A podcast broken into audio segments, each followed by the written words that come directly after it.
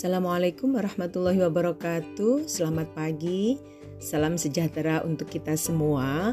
Selamat datang di Elvara Voice, sebuah podcast yang mempublish materi-materi pembelajaran daring.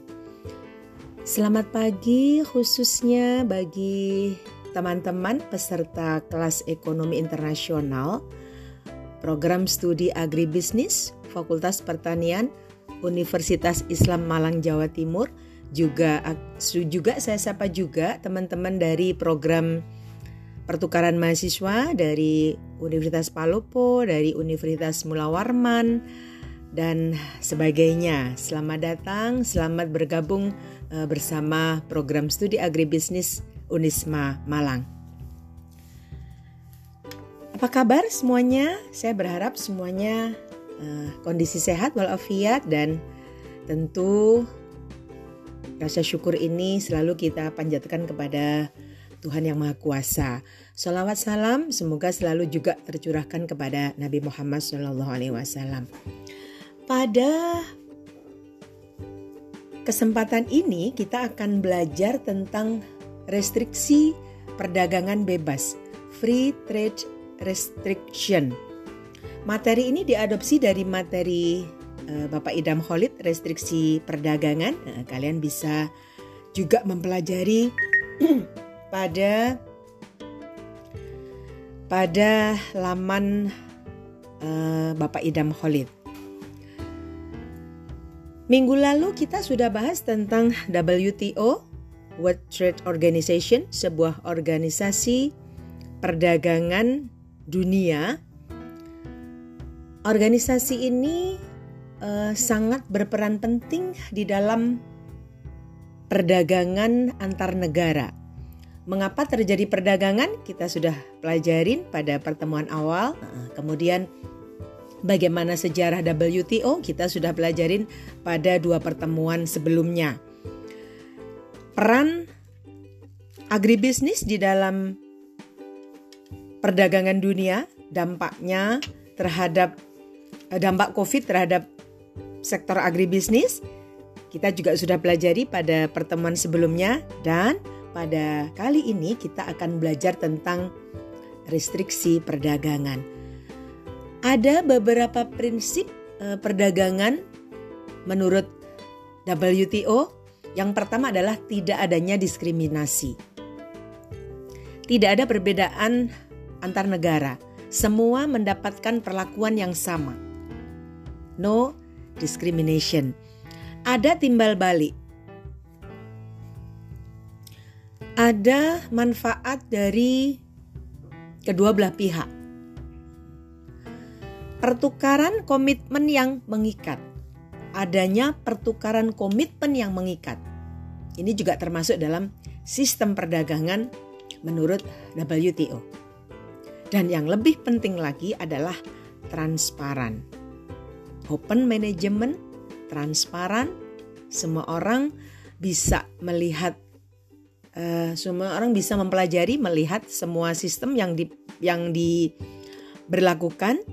Kemudian masing-masing negara juga bisa melihat bisa me, mempelajari uh, bisa mengetahui bagaimana sistem yang diberlakukan pada perdagangan tersebut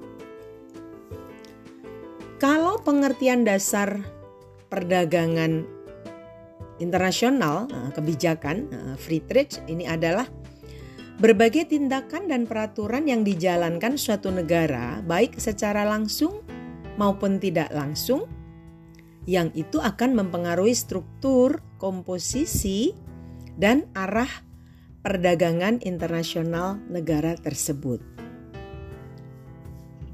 Pengertian dasar yang kedua dari restriksi perdagangan ini dilakukan untuk tujuan melindungi kepentingan ekonomi nasional, industri dalam negeri, dan lapangan kerja, serta menjaga stabilitas ekonomi nasional. Jadi, dengan adanya restriksi perdagangan bebas ini tentu tidak ada negara yang dirugikan. Adanya peningkatan manfaat, peningkatan kesejahteraan bagi negara lain tidak diikuti oleh kerugian dari negara lainnya. Nah, ini pengertian dasar dari restriksi perdagangan. Dalam perdagangan luar negeri, konsep proteksi, restriksi perdagangan terwujud di dalam sebuah proteksi. Hmm, berarti usaha-usaha pemerintah yang membatasi atau mengurangi jumlah barang yang diimpor dari tentu dari negara-negara lain dengan tujuan untuk mencapai beberapa tujuan tertentu dalam pembangunan dan kemakmuran perekonomian negara tersebut.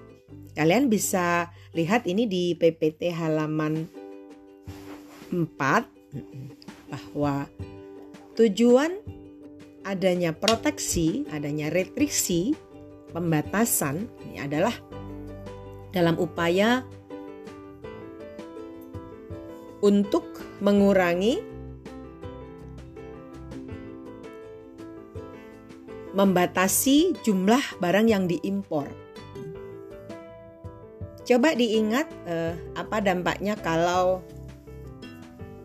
jumlah impor dibatasi sementara demand di dalam negeri masih tinggi. Teman-teman masih ingat eh, ada world price, ada harga domestik. Ada harga domestik, ada harga luar negeri impor dilakukan kalau harga di dalam negeri tinggi karena demand yang tinggi. Oke? Oleh karena itu diperlukan jumlah supply supaya harga dalam negeri menurun. Oke, coba di kalau masih masih belum ingat nah, dibuka pertemuan pertama ada tiga grafik yang menjelaskan mengilustrasikan kenapa terjadi impor, kenapa terjadi ekspor. Nah, restriksi perdagangan ini adalah tujuannya untuk membatasi impor. Atau misalnya, ini karena Impor itu kan karena harga di luar negeri lebih murah. Kalau tidak ada pembatasan, maka impor akan terus dilakukan. Dan apa akibatnya? Supply melimpah, harga dalam negeri turun drastis. Kasihan produsen, oke? Okay? kalau harga murah tuh konsumen seneng, tapi produsen tidak untung. Pada halaman berikutnya kita eh, kalian bisa pelajarin eh, apa konsep-konsep dari eh, restriksi perdagangan. Kemudian argumentasi yang diberlakukan pada perdagangan bebas. Nah, ini ada Secara teoritis, perdagangan bebas mengarah pada produktivitas dan pendapatan tinggi bagi produsen dan social utility yang lebih tinggi bagi konsumen. Wow, materi ini memang materi semester 7 sehingga kalian sudah lulus makro, mikro, kemudian perilaku konsumen juga sudah lulus, ekonomi produksi sudah lulus. Nah, coba kita pahami nih satu satu satu persatu dari sebuah konsep ini.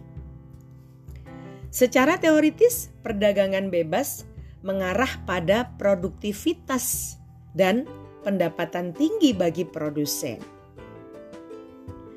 Teman-teman, coba dilihat, uh, coba diingat-ingat, uh, kalau tidak ada restriksi perdagangan, jadi perdagangan bebas saja tanpa proteksi dari pemerintah, maka negara yang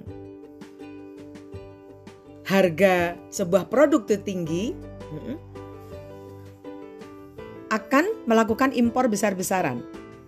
Nah, kalau melakukan impor besar-besaran, maka produsen dalam negeri akan mengalami kerugian. Oleh karena itu, salah satu tujuan dari restriksi juga pada produktivitas dan pendapatan bagi produsen. Oke. Kemudian perdagangan bebas mengoptimalkan penggunaan sumber-sumber daya untuk memproduksi barang melalui spesialisasi. Ada beberapa icon yang diambil. Uh, one pesantren, one product, OPOP. One village, one product. Nah, ini dalam rangka upaya juga memberikan kebebasan bagi produsen untuk memproduksi barang dan jasa sesuai dengan keunggulan komparatif masing-masing daerah. Oke, semua bisa di pelajarin pada halaman 6. Pada akhirnya adalah memenuhi kriteria Pareto optimal. No one can be better off without making someone else worse off. Tidak ada satupun negara yang mengalami peningkatan kesejahteraan better off mengalami peningkatan utility tanpa membuat negara yang lain mengalami worse off kerugian. Oke, jadi prinsip-prinsip perdagangan bebas, prinsip-prinsip restriksi demikian bisa difahami halaman 4, 5 dan 6. Oke, okay, the next slide. Kita bicara pembatasan perdagangan. Eh, mengapa perlu pembatasan? Alasan dilakukannya, no, alasan dilakukannya pembatasan perdagangan. Ada lima hal yang disepakati, uh, sehingga memang layak untuk di, memang sangat perlu dilakukan restriksi perdagangan. Ini halaman 7. Kemudian Halaman 8 bicara argumentasi diberlakukannya proteksi.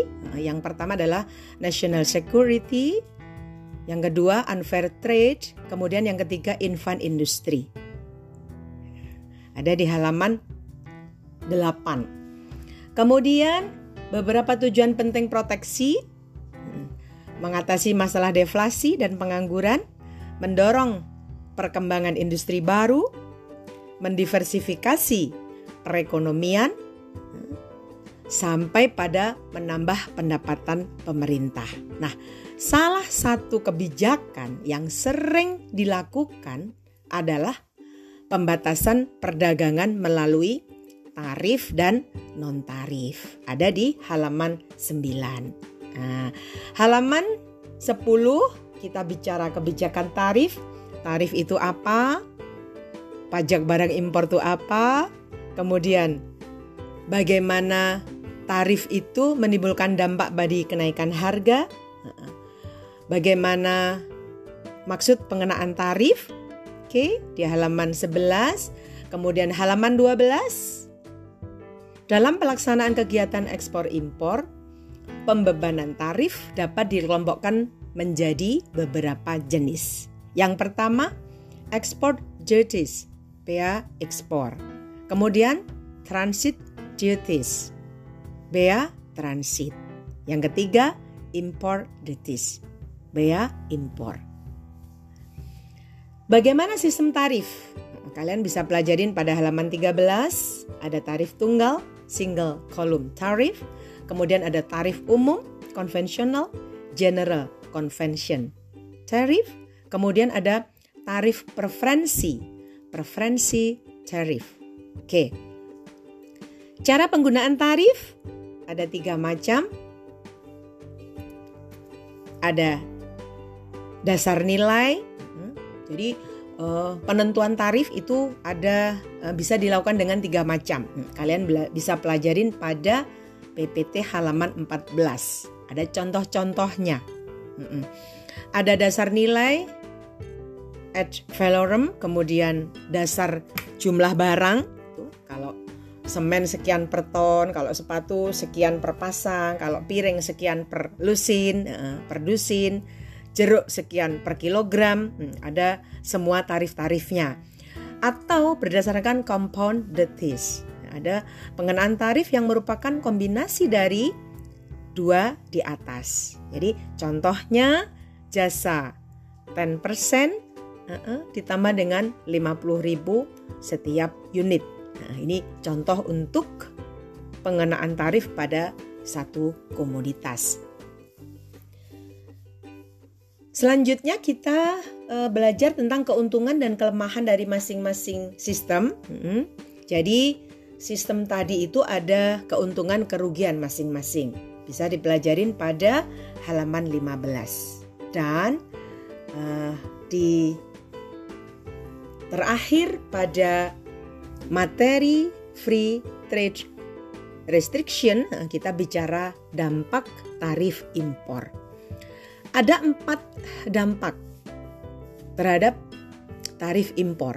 Hmm, yang pertama ada dampak terhadap price, price effect. Kemudian ada dampak terhadap konsumsi, consumption effect. Kemudian ada dampak terhadap produksi, import substitution effect. Kemudian yang terakhir terakhir adalah dampak terhadap redistribusi pendapatan, redistribution effect. Materi ini uh, saya rasa kita perlu dua kali pertemuan. Uh, jadi hari ini kalian pelajarin uh, sampai pada halaman 10 kemudian secara detail nanti pada 10 sampai 18 uh, saya akan berikan pada penjelasan di materi selanjutnya.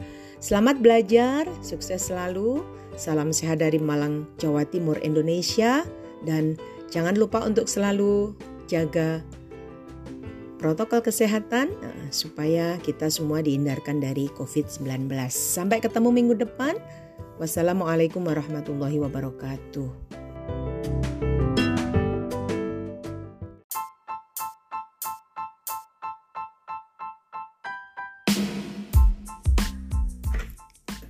Assalamualaikum warahmatullahi wabarakatuh. Selamat siang, good afternoon teman-teman peserta kelas ekonomi internasional. Siang ini kita lanjutkan mempelajari tentang restriksi perdagangan bebas, free trade restriction. Kita lanjutkan materi minggu lalu dan sampai selesai. Hari ini selesai, minggu depan kita bicara dumping, politik dumping. Politik dumping nanti kita dua kali tatap muka. Oke, teman-teman, saya dua hari ini melakukan evaluasi terhadap keaktifan kalian di Learning Management System daring Unisma bahwa masih ada beberapa teman yang belum sepenuhnya aktif sebagaimana seharusnya. Jadi hari ini kita sudah sampai pada 13 kali tatap muka. Nah, teman-teman pastikan semuanya masuk ke daring Unisma minimal 13 kali itu. Saya tidak ingin kalian semua nanti tidak memenuhi syarat untuk ikut final exam. Jadi, saya paham eh, kalian mendownload materi bisa secara bersamaan karena semua materi di daring tidak saya kunci. Jadi, Kalian sewaktu-waktu bisa masuk ke mana pun, ke kamar berapapun, ke pertemuan berapapun. Apakah itu pertemuan 1, 12, 13, 7, 8, dan seterusnya. Namun, satu kali masuk kalian terhitung satu atau satu kali masuk ke course atau ke modul kalian terhitung masing-masing. Nah, pastikan teman-teman mendownload semua materi yang ada di daring Unisma agar keaktifan kalian di dalam daring benar-benar terpenuhi. Selamat belajar melanjutkan materi Free Trade Restriction. Sampai ketemu minggu depan. Wassalamualaikum warahmatullahi wabarakatuh.